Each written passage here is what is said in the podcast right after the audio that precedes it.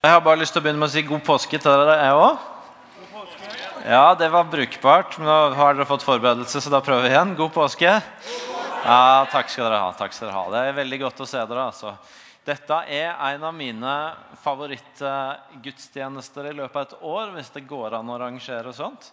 Eh, noe av det har selvfølgelig med at det alltid er gøy når vi har hatt litt sånn av-tid. og Eh, komme sammen igjen. Enten det er jul, eller påske eller sommer. Men så er det òg helt klart noe med at det er denne dagen, at det er påskefest. Vi leker jo på en måte litt at det er første påskedag i dag. Siden mange av dere ikke var kommet tilbake i går, så feirer vi i dag. Men det er det som er innholdet i første påskedag vi feirer på gudstjenesten i dag. Og det er en skikkelig fest. Um, sto opp i går, og kona Hildegunn sa at uh, i dag må vi opp med flagget, for dette er vår dag. og uh, Det er litt sånn med første påskedag med oppstandelsen at det er virkelig vår dag. Jeg skrev det på Facebook. og Per Kristen vet ikke om han er her i dag, men han svarte ja, hvis det er én dag du skal flagge på, så er det i dag. Fordi at dette er festdagen. Og uh, jeg var Det er jo sånn i småbarnslivet at enn gjerne i ferier så får én sove litt lengre en dag enn den andre. I går var det min tur til å sove litt lenge. og Hvis noen av dere blir urolige for at pastoren ikke er tidlig oppe på påskemorgen, så kan jeg si at sove lenge fortsatt er tidlig. Så jeg var tidlig oppe. Men eh, i hvert fall, da møtte Elia på fem år meg, og han hadde fått med seg at vi skulle feire Jesus. Og dermed så var det på med festhattene til han og reven. Eh, er ikke det bra? Eh, og litt seinere er det et bilde til fra når vi har kommet ut. Så eh, hvis det kommer, da, ja, så er festhatten fortsatt på. Da tror jeg det er blitt sjiraff istedenfor eh, rev. da. Men eh, Det er jo på den ene sida koselig og sjarmerende, og sånn, men når jeg tar det fram, så er det også fordi at det er noe med barn ikke sant, som bare tar det. Eh, hører at ok, da feirer vi Jesus. Og så er det litt med oss voksne. Vi kan ha litt sånn lett for ja, ja, i dag er en viktig dag. I dag, i dag feirer vi Jesus, at han sto opp. Og så grunner vi litt på det. Og så er det bare noe med barn som får på partyhatten og er klar for fest, for i dag feirer vi Jesus. Og det er um, noe av det som gjør at jeg syns det er så flott å komme sammen med dere denne påskefesten. At dere hjelper meg til å ikke være sånn bare Ja, dette var jo viktig, men dere hjelper meg til å få på festhatten, som Elia ikke trengte hjelp til, eh, og til å virkelig feire den viktigste hendelsen i hele historien. For det er det det er, som Martin var inne på. Hvis dette er sant, så er det den viktigste hendelsen i hele historien. Det er den vi er for å feire i dag. og Det er derfor vi tar den litt ekstra ut med bølge og det hele. Fantastisk, Martin. Eh, og jeg håper at vi også skal få stoppe litt opp for hva det betyr i de neste minuttene. Dere skal få, før vi går videre, høre teksten lest. Eh, vi har gått gjennom Markusevangeliet helt siden starten av oktober. og nå har vi kommet til siste kapittel i historien klimaks, det store høydepunktet. Eh, Kristin skal lese det.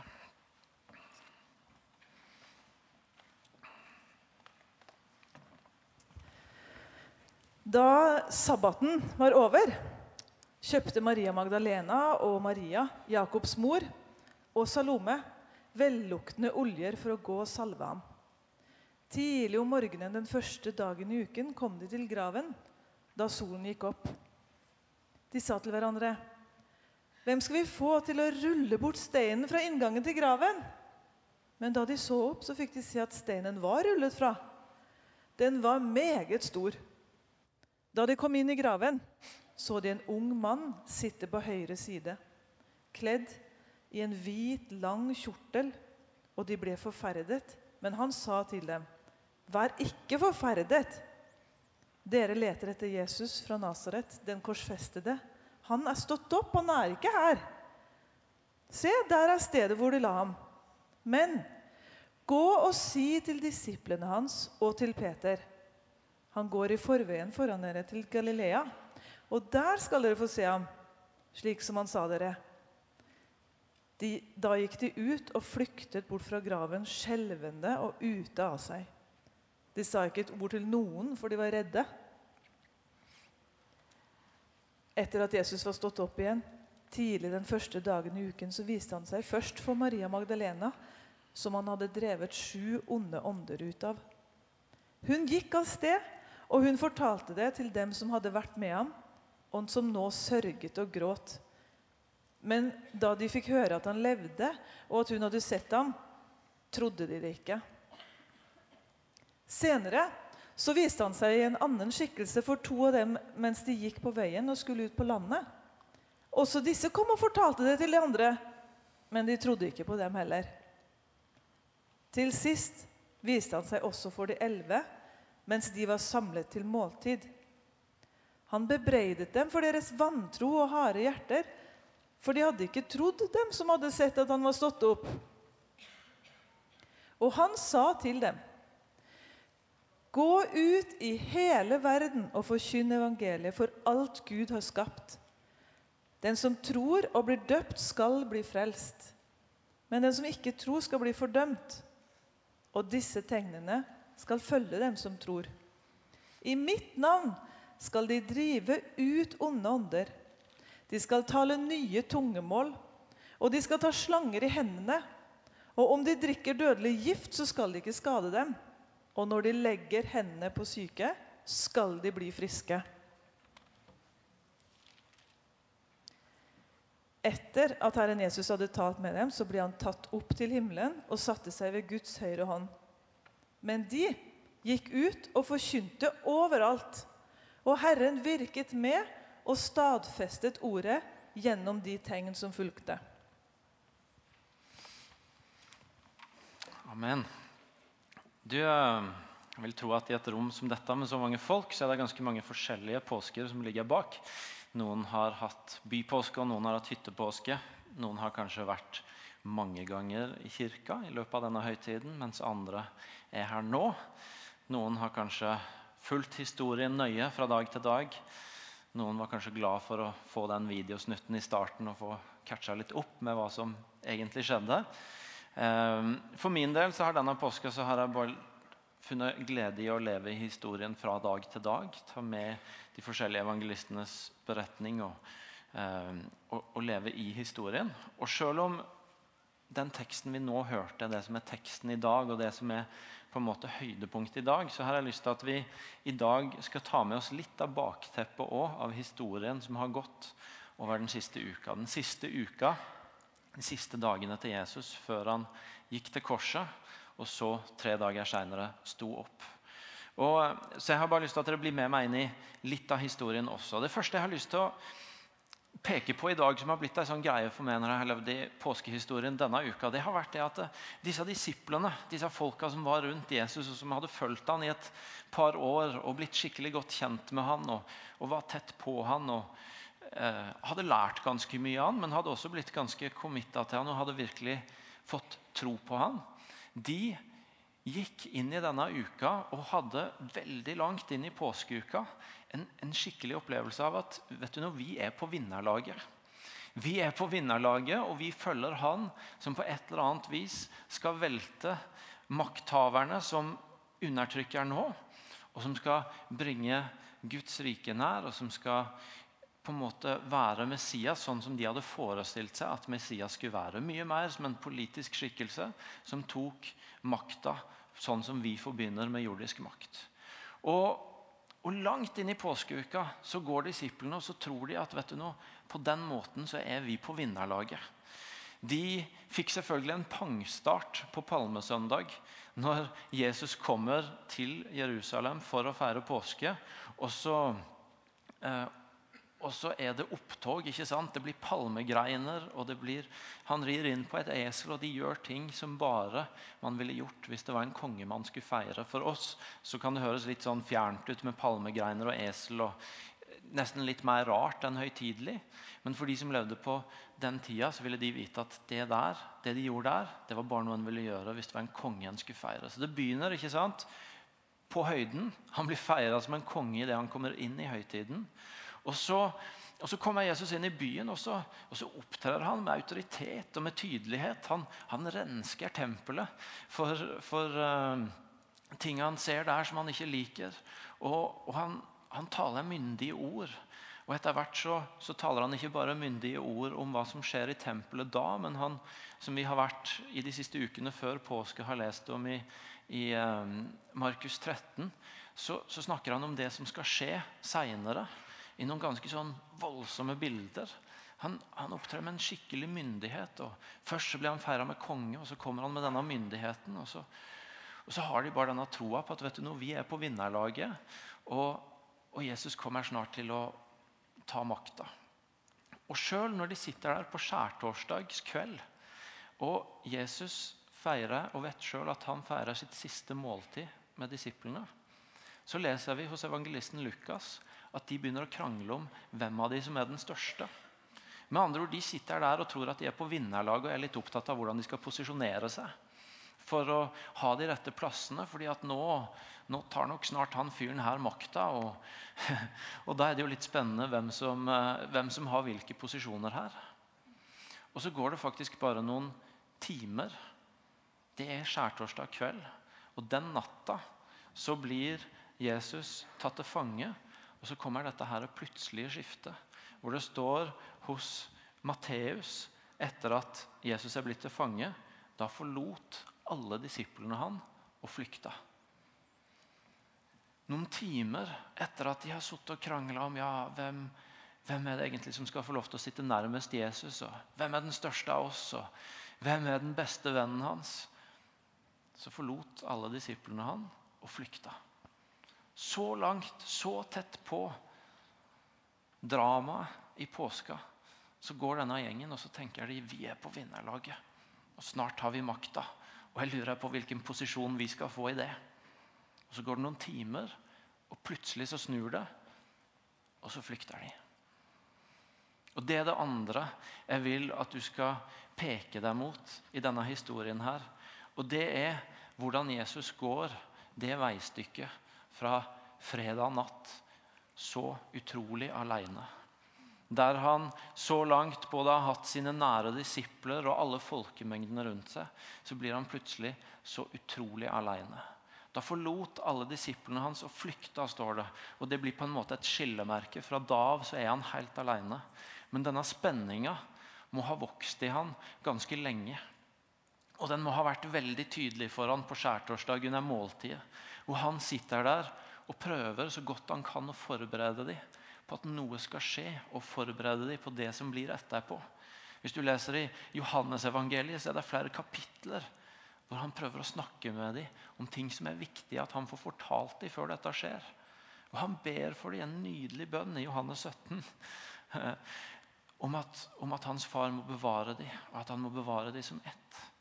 Han sitter der med den indre greia av at han må, må få fortalt dem noen ting. Han må få bedt for dem.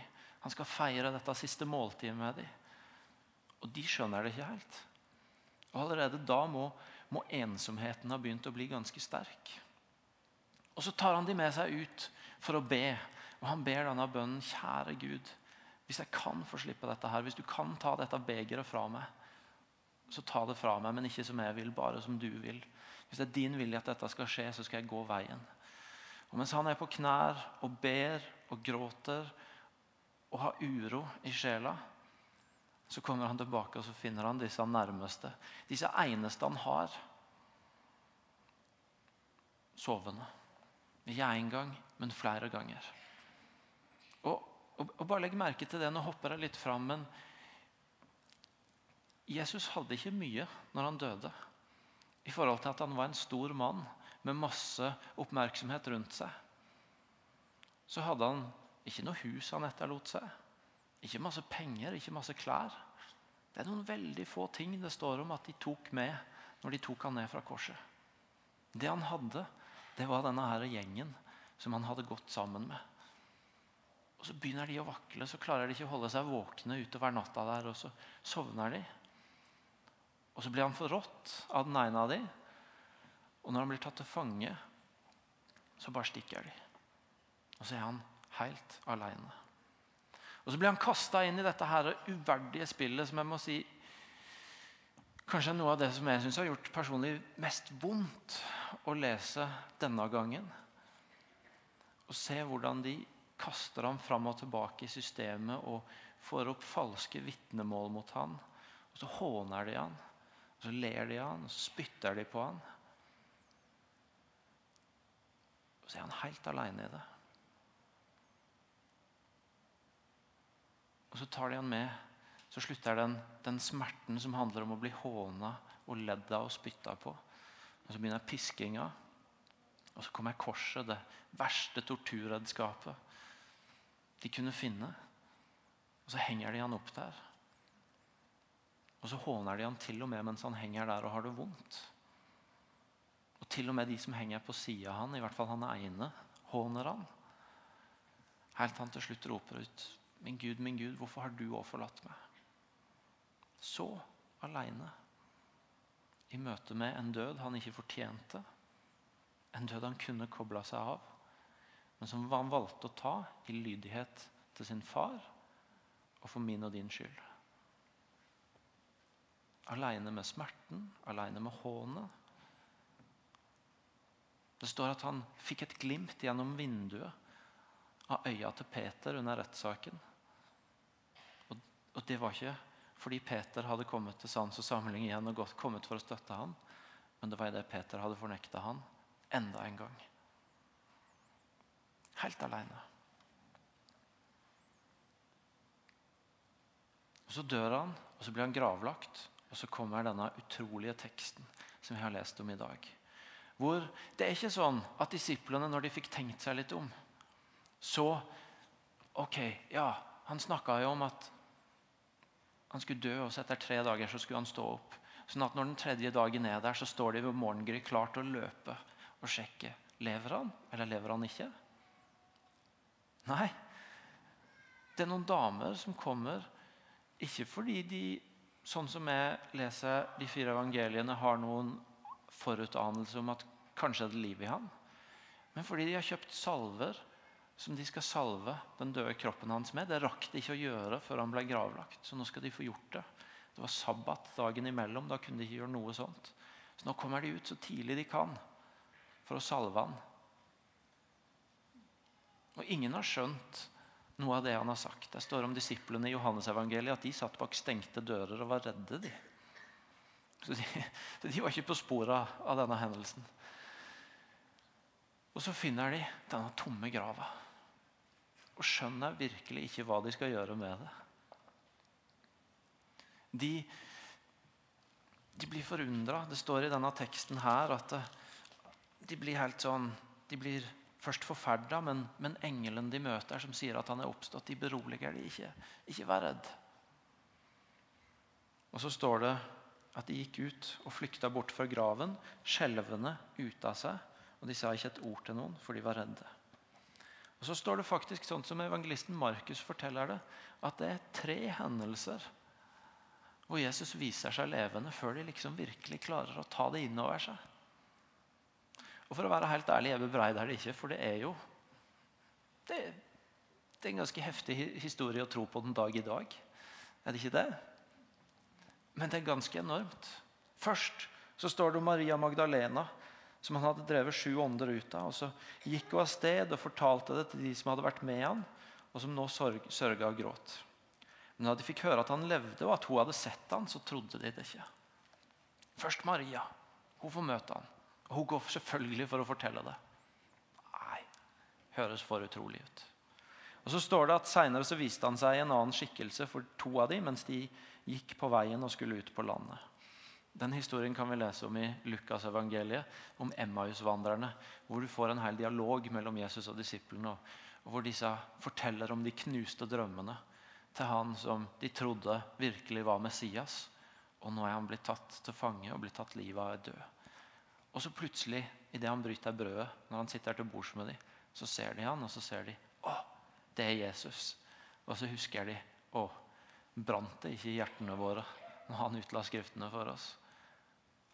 Det er han. Han er levende. Også disse kom og fortalte det til de andre, men de trodde ikke de trodde det ikke, de heller.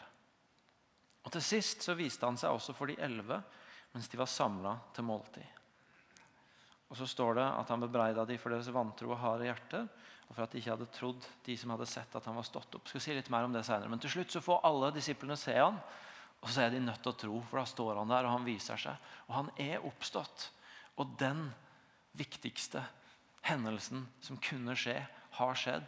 Nemlig han ikke bare gikk i døden for vår skyld, men han vant over døden.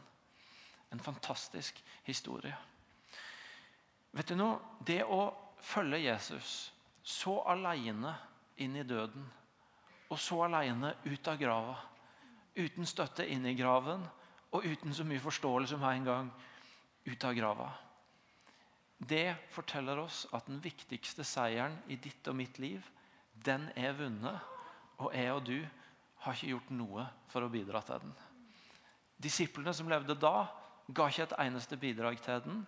Og jeg og du kan ikke gi et eneste bidrag til den. Kan ikke legge noe til den, kan ikke trekke noe fra den. Den viktigste seieren, seieren over synden, over døden, over alt det som vil røve oss fra et forhold til Gud og fra det livet vi var skapt til å ha, den seieren er vunnet. Og den har ikke krevd noe av oss. Den har krevd alt av han som gikk alene inn i grava. Eller han ble båret inn i grava, men som gikk alene i døden. Og som gikk alene ut av grava. Helt alene. Den viktigste seieren er vunnet uten at du bidro. Og folkens, Det er fantastisk. For det betyr at jeg og du kan strekke hendene i været og la maskene våre falle og slutte å fighte for å på et eller annet vis prøve å rettferdiggjøre at vi er her, at vi fortjener Guds godhet, at vi fortjener dette livet. Og så kan vi få overgi oss og ta imot og sier at vet du noe, Jesus, du gjorde alt sammen. Denne påska så satt jeg med en pastorkompis som fortalte om hvor mye det hadde betydd for hans menighet.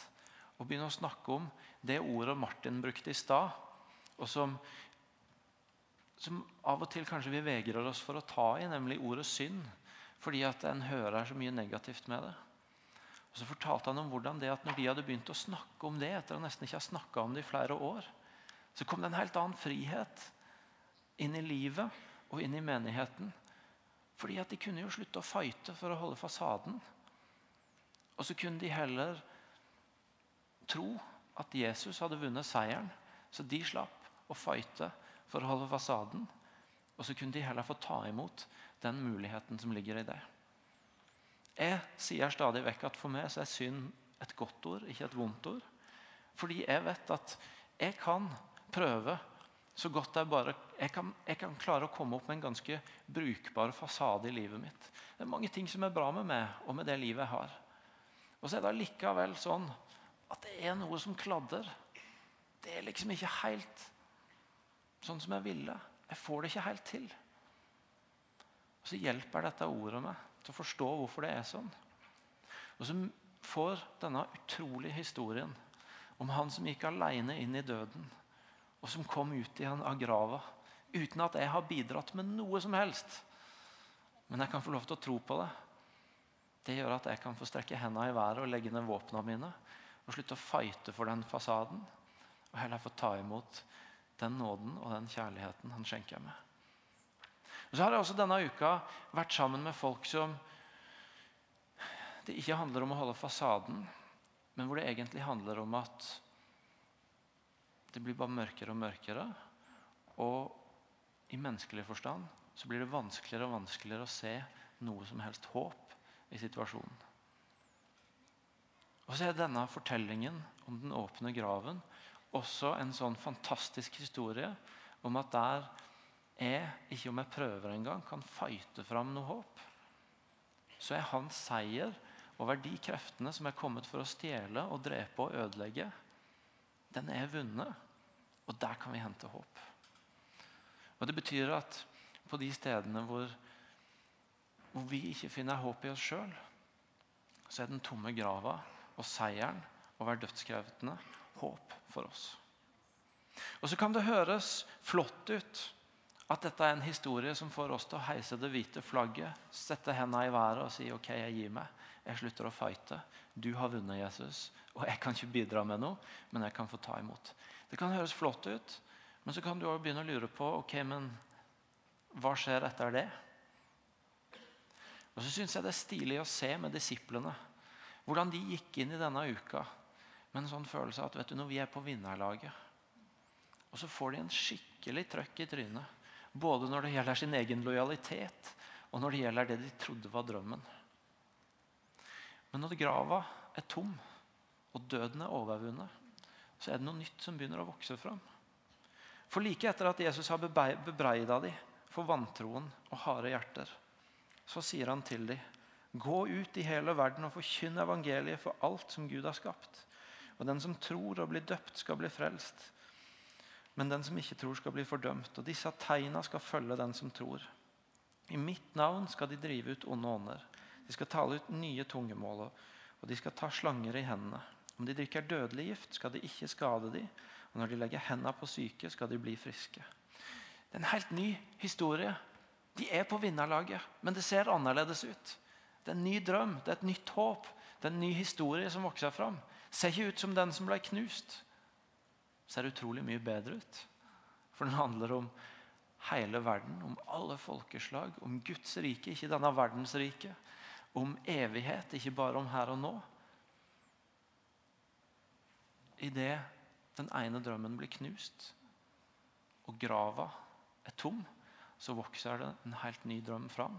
Et helt nytt håp fram, en helt ny historie fram, som er så utrolig mye bedre. Det er flotte sannheter. Jeg har lyst til at dere i kveld skal få litt kjøtt og blod på det og høre en historie om hvordan det kan se ut. Og Derfor skal dere få møte en veldig god venn av meg som jeg er blitt veldig glad i. Han heter Odd Bjarne. og Det er alltid utfordrende å ta steget opp på denne scenen, så dere må gi han en skikkelig god applaus på veien.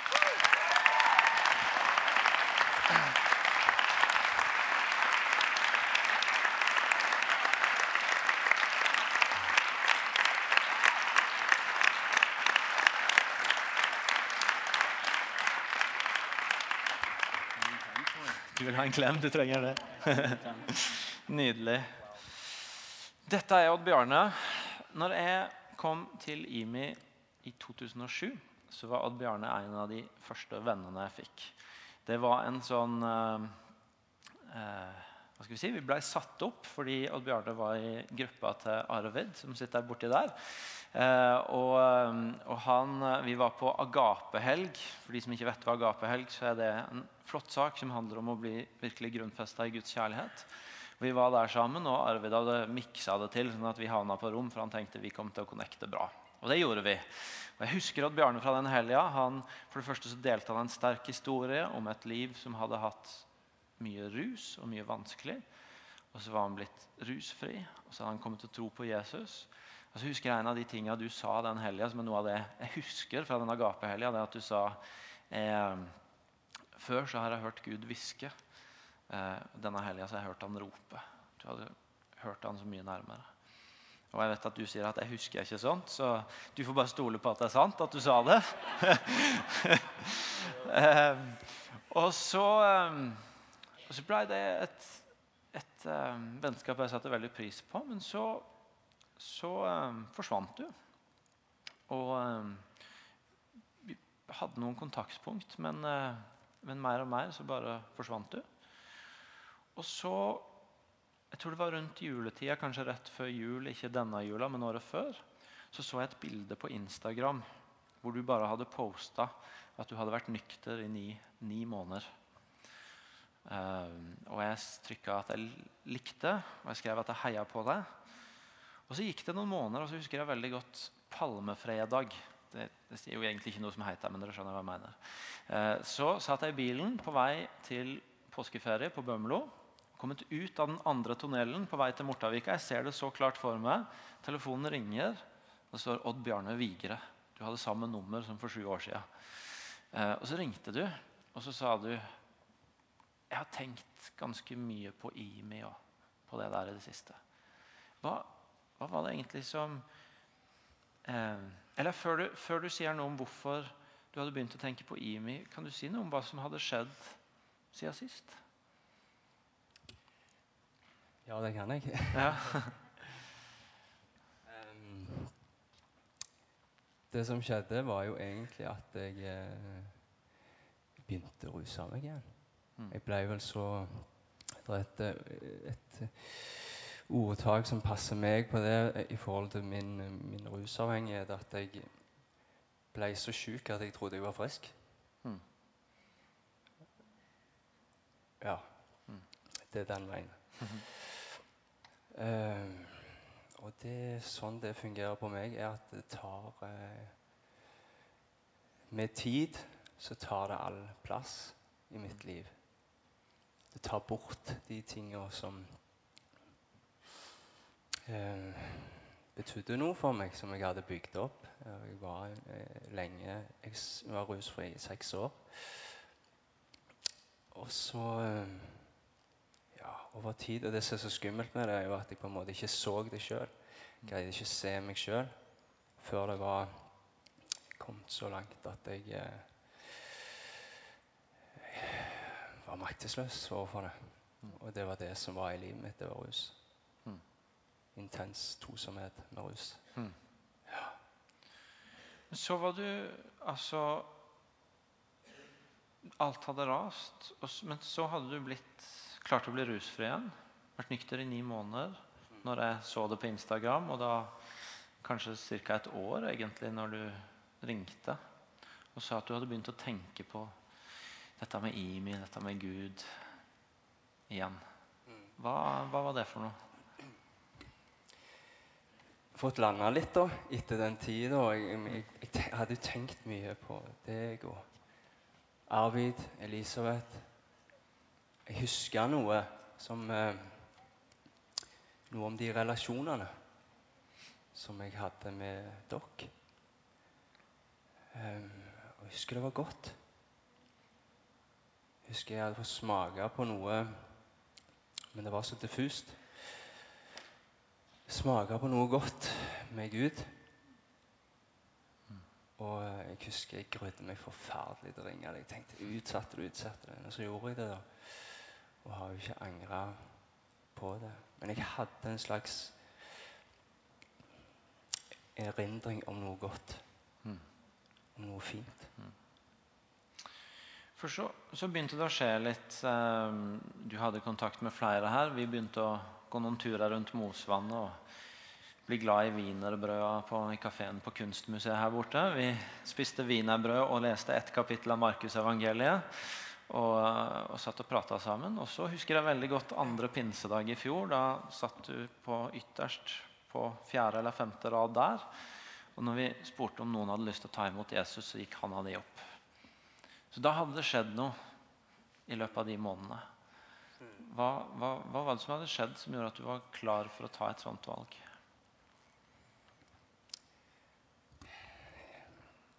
Jeg valgte jo etter å ha kon kontakta deg og, og komme hit. Sette meg på en stol bak her. Og, um, og det som jeg tror jeg opplevde først og fremst, var jo dere, brødre og søstre. Så jeg så og fikk et bilde av Jesus gjennom dere. Ja. Og da ble Og det òg tok meg litt tid. vet du. Jeg torde jo ikke rekke opp noe med en gang. Jeg følte det er stort, det er et stort valg. Kan jeg stå inne for dette? Kan jeg stå inne for dette? For mye handler om meg i mitt liv. Mm. Men eh, valget var i grunnen enkelt. Etter jeg fikk på en måte Vil jeg ha dette? Klart jeg vil det. Jeg vil være en del av dette. Mm. Vil være en del av dere. Og nå er det gått 10-11 måneder kanskje siden du sa yes, jeg vil leve med Jesus. Hva, hva har skjedd? Åssen er det nå? Ja. Eh, livet er eh, på mange måter livet på livets premisser for meg nå. Men i forhold til det valget som jeg tok der, og rakk opp hånda mi, så har jeg fått begynne på noe veldig fint. Og det som det er for meg i mitt liv er å gå sammen med Jesus, har på en måte Jeg opplever at det frir meg fra en intens sjølsentrerthet. Fra meg sjøl. Ja, for du, et, et ord du snakka veldig mye om, kanskje særlig i starten, det var dette med å overgi seg. Si noe om det.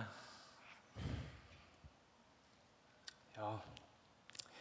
Er det et begrep eller et ord som jeg har gjort til mitt Mm. eh, i forhold til Først i forhold til den sykdommen som jeg har, rusavhengighet. Eh, jeg har erfart ikke bare én gang, men to ganger, faktisk. Så jeg føler jeg er på overtid på en måte. Men eh, det å få heise det hvite flagget og gi opp Hjelp meg. Og be om hjelp. Mm. Så har jeg på en måte tatt det begrepet med meg i min tro. Mm.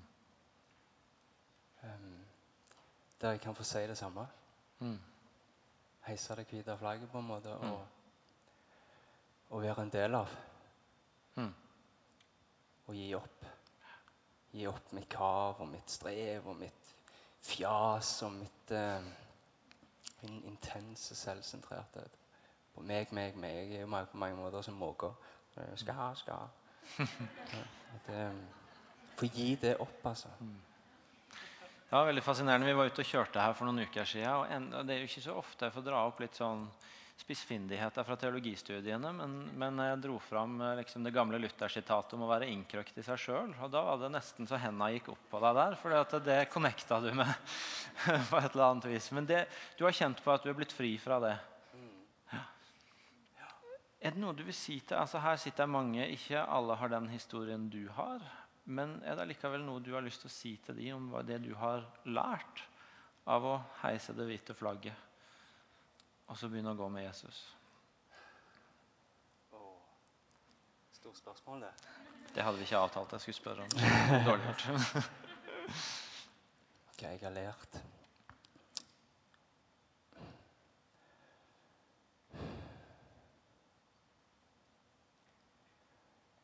Hva spurte du om igjen? Eh, Jeg spurte om det er noe du vil si til gjengen her som du har lært om det med å overgi seg og gå med Jesus. Jeg har i hvert fall erfart noe om eh, det å være alene versus det å være sammen med noen og tro sammen med noen. Mm. Um, det er en sånn en eh, Ja, det er to, to absolutter på hver sin side av uh, skalaen. Mm. Og med det så tror jeg jeg vil si eh, ikke så mye om hva jeg har lært, men jeg vil si takk Mm. På måten dere tok imot meg. Og nå når jeg kom tilbake, så tok du imot meg. John og Mette og Johanne og Inger og Len. Jeg vet ikke hvor de er. Mm. Det er stort. Vi skal gå litt videre. Øystein kan gjøre seg klar. Eh, jeg så deg en gang imellom 2007 og telefonen sist palmefredag. Og det var på TV, for du var med på X-Faktor. Og du gjorde det bra, for du er jo så flink til å synge. Og så er baksida av historien at tida med X-Faktor også var det som virkelig fikk det til å Da raste alt sammen igjen. Da ble jeg full på meg sjøl. Da ble du full av deg sjøl, ja. Ehm, og, og på med det så raste også noe av musikkdrømmen, og musikken ble liggende nede. Så noe av det som har skjedd det siste året her, er at du har begynt å synge igjen. Du synger på Alfa, du har leda lovsang på Alfaviken. Og snakka litt om i dag ut fra teksten om at når noen drømmer dør, og så i møte med Jesus og den tomme grava, så kan noe nytt begynne å vokse fram så begynner det også å vokse fram noe nytt med musikken din. Og Nå skal du få synge en sang for oss som passer veldig bra til historien din. Som passer veldig bra til denne dagen, og som eh, jeg vet betyr noe for deg. Så vær så god. Eh, hør på dette før vi lander talen.